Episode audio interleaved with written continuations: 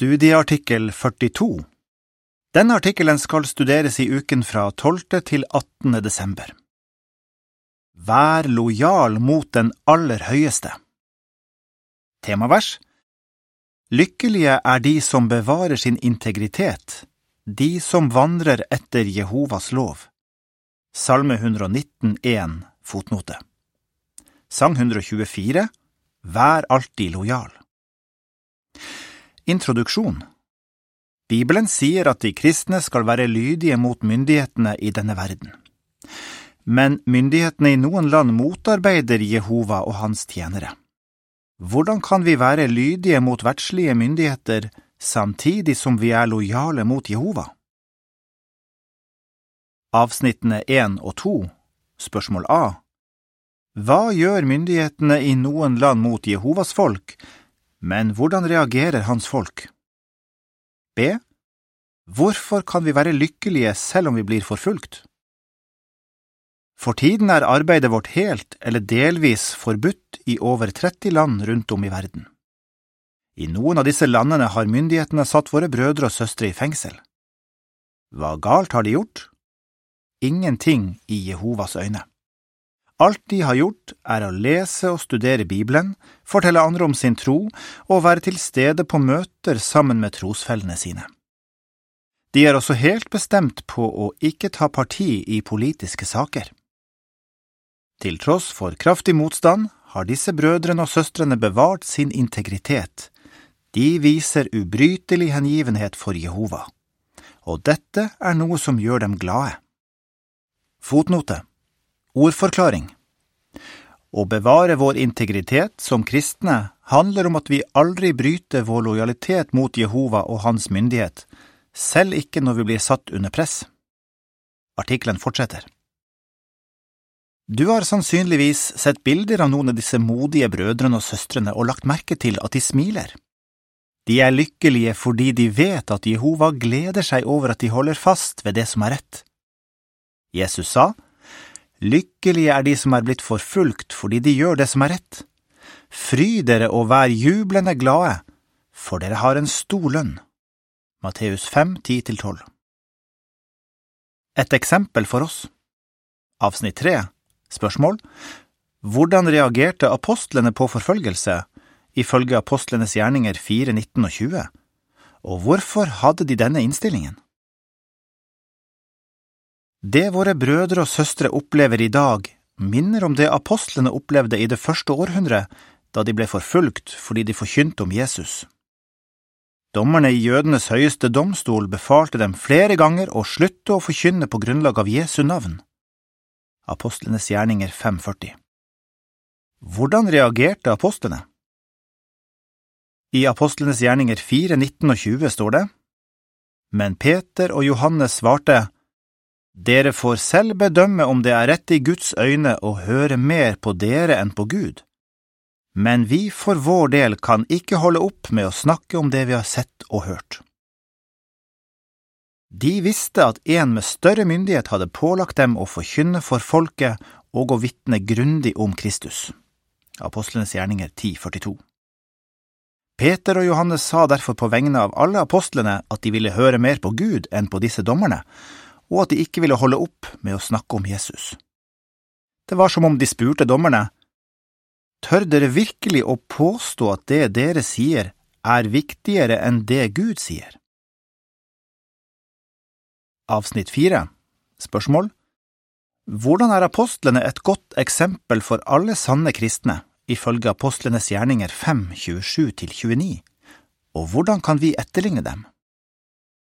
Det apostlene gjorde, har vært et godt eksempel for alle sanne kristne siden den gangen.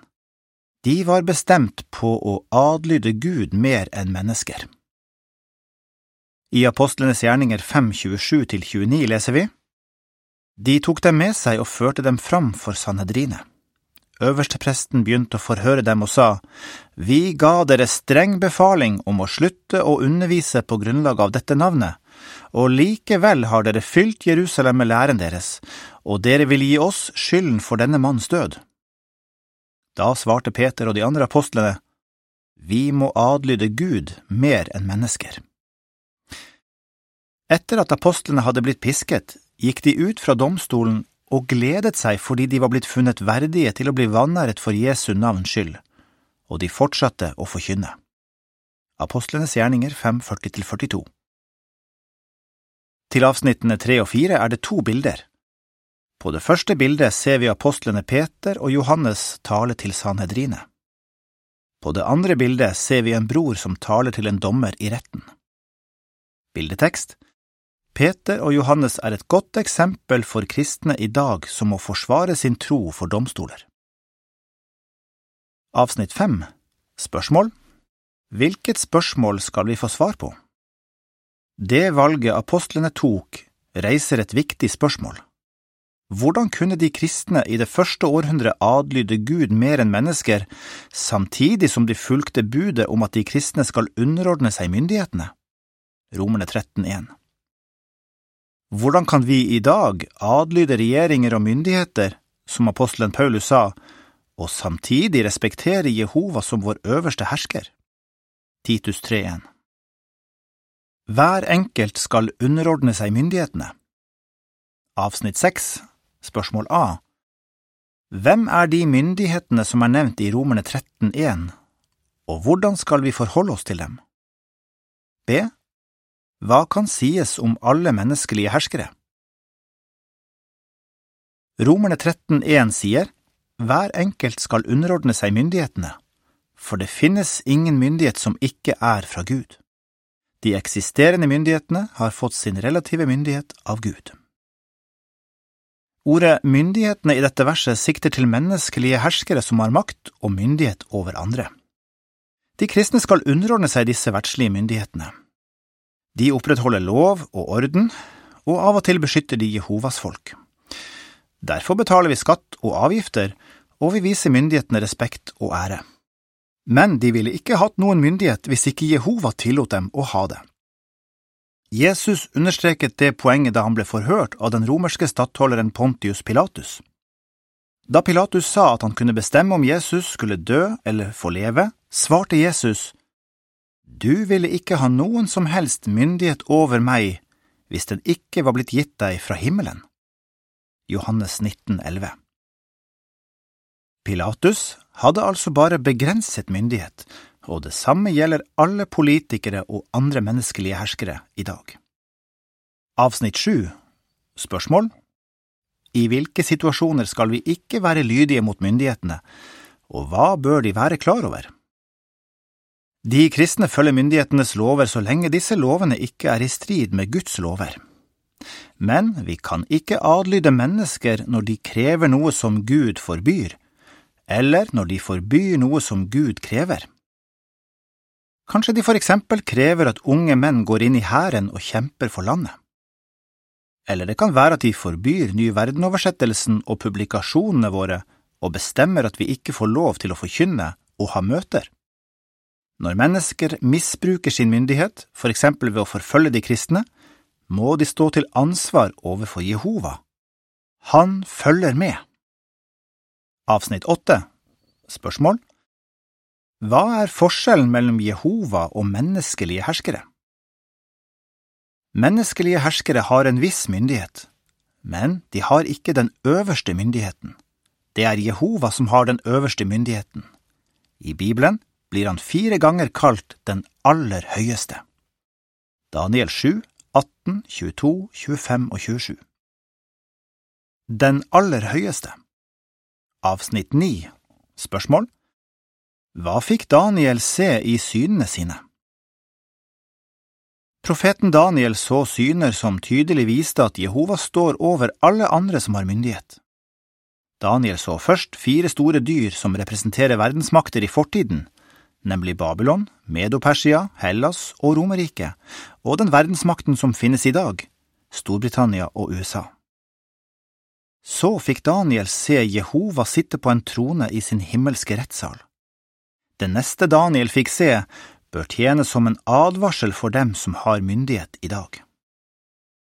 Avsnitt 10 Spørsmål Hvem er det Jehova gir herredømme over jorden, ifølge Daniel 7, 13, 14 og 27, og hva forteller dette om ham? I Daniel 7, 13 og 14 står det Videre i synen om natten så jeg dette. Med himmelens skyer kom det en som var lik en menneskesønn. Han fikk lov til å tre fram for den gamle av dager, og han ble ført fram for ham. Det ble gitt ham herredømme og ære og et rike for at alle folk, nasjoner og språkgrupper skulle tjene ham. Hans herredømme er et evig herredømme som ikke skal forsvinne, og hans rike skal ikke bli ødelagt.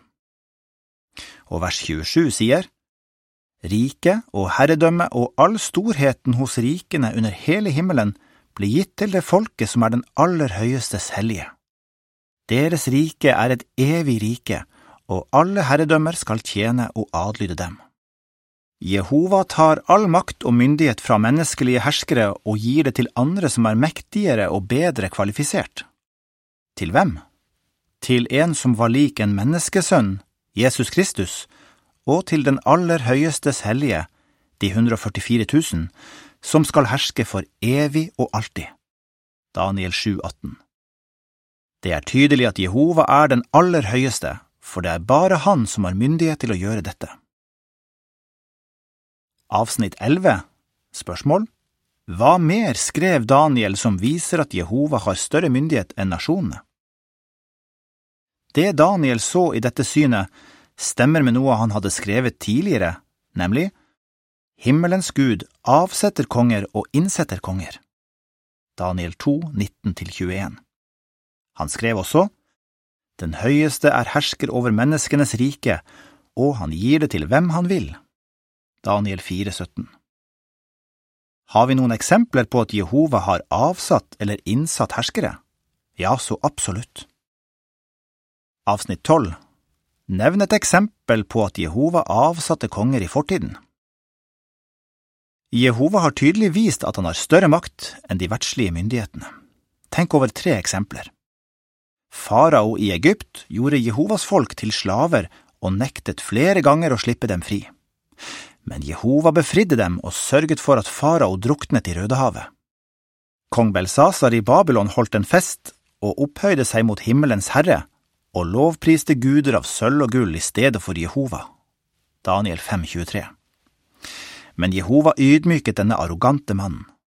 Samme natt ble Belsasar drept, og riket hans ble gitt til mederne og perserne. Kong Herodes Agrippa den første i Palestina sørget for at apostelen Jakob ble drept. Så satte han apostelen Peter i fengsel og hadde tenkt å drepe ham også. Men Jehova hindret Herodes i å gjennomføre denne planen. Jehovas engel straffet ham, og han døde. Apostlenes gjerninger 12, 21–23 Avsnitt 13 nevner et eksempel på at Jehova har seiret over herskere som har slått seg sammen. Jehova har også vist at han har større makt enn herskere som slår seg sammen. Han kjempet for israelittene slik at de kunne knuse en allianse av 31 kananeiske konger og erobre store deler av det lovte land. Jehova hjalp også israelittene til å seire over kong Ben-Hadad og 32 andre syriske konger som kjempet mot dem. Avsnittene 14 og 15, spørsmål A Hva sa kong Nebukadnesar og kong Dareios om Jehovas myndighet? B. Hva sa en salmist om Jehova og hans folk? Gang på gang har Jehova vist at han er den aller høyeste. Da babylonerkongen Nebukadnesar skrøt av sin egen kraft og styrke og majestetiske storhet i stedet for ydmykt å gi Jehova ære, lot Jehova miste forstanden.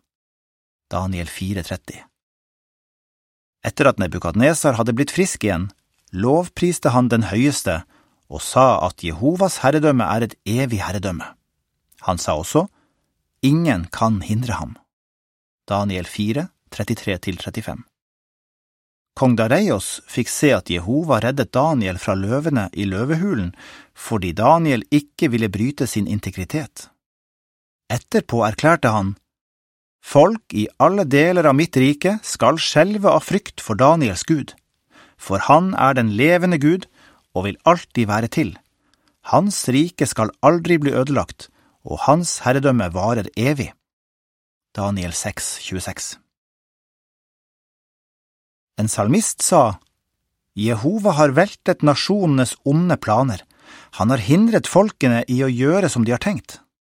Og han sa videre, Lykkelig er den nasjon som har Jehova som Gud, det folket han har valgt som sin eiendom. Salme 33, 10 og 12 Ja, vi har god grunn til å fortsette å være lojale mot Jehova. Det endelige oppgjøret Avsnitt 16 Spørsmål Hva kan vi være sikre på når det gjelder den store trengsel, og hvorfor? Vi har lest om hva Jehova har gjort i fortiden. Hva kan vi vente oss i nær framtid? Vi kan være helt sikre på at Jehova vil redde sine lojale tjenere under den kommende store trengsel. Han kommer til å gjøre dette når en koalisjon av nasjoner, kjent som Gog og Magog, ondskapsfullt angriper Jehovas tjenere over hele verden. Selv om denne koalisjonen skulle omfatte alle de 193 landene som er medlem av FN, har de ingenting å stille opp med mot den aller høyeste og hans himmelske hærstyrker. Jehova lover, Jeg skal vise min storhet og hellige meg og gjøre meg kjent for øynene på mange nasjoner, og de skal innse at jeg er Jehova. Esekiel 38, 23 Avsnitt 17 Spørsmål Hva sier Bibelen om framtiden for kongene på jorden og for dem som er trofaste mot Jehova? Gogs angrep vil utløse det endelige oppgjøret i Harmageddon, der Jehova skal utslette kongene på hele den bebodde jord. Åpenbaringen 1614 Men de rettferdige skal bo på jorden, og de trofaste skal bli igjen på den. Ordspråkene 2.21. Til avsnittene 16 og 17 er det et bilde. Der ser vi at Jehovas himmelske hær rir på hvite hester og angriper bevæpnede menn på jorden. Bildetekst Koalisjonen av nasjoner vil ikke ha noe å stille opp med mot Jehovas himmelske hærstyrker. Vi må bevare vår integritet. Avsnitt 18 Spørsmål hva har mange sanne kristne vært villige til å gjøre, og hvorfor? Både opp gjennom historien og i vår tid har mange sanne kristne risikert friheten sin og til og med livet sitt fordi de elsker Jehova og vil ha ham som sin overherre. De har bevart sin integritet. De har samme innstilling som de tre hebreerne som var fast bestemt på å være trofaste mot den aller høyeste, og som reddet livet da de ble kastet i ildovnen. I Daniel 3,28 leser vi Nebukadnesar sa da, Måtte Shadraks, Meshaks og Abednegos Gud bli lovprist, han som sendte sin engel og reddet sine tjenere. De stolte på ham og gikk imot kongens befaling og ville heller dø enn å tjene eller tilbe noen annen gud enn sin egen gud. Avsnitt 19 Spørsmål Hva dømmer Jehova oss etter, og hva må vi gjøre? David forsto hvor viktig det er å ha integritet. Han skrev, Jehova skal felle dom over folkene. Døm meg, Jehova, etter min rettferdighet og etter min integritet. Salme 7,8 Han skrev også, Måtte min integritet og rettferdighet verne meg. Salme 25,21 Det beste valget vi kan ta, er å fortsette å være lojale mot Jehova uansett hva som skjer. Når vi er det, vil vi føle det på samme måte som salmisten, som skrev, Lykkelige er de som bevarer sin integritet, de som vandrer etter Jehovas lov. Salme 119, 1, fotnote. Kan du forklare dette? Hvordan var apostlene et godt eksempel for oss? Hva vil hjelpe oss til å avgjøre om vi skal adlyde de verdslige myndighetene? Hvordan har Jehova vist at han er den aller høyeste? Sang 122 Stå fast og vær urokkelig. Artikkelen slutter her.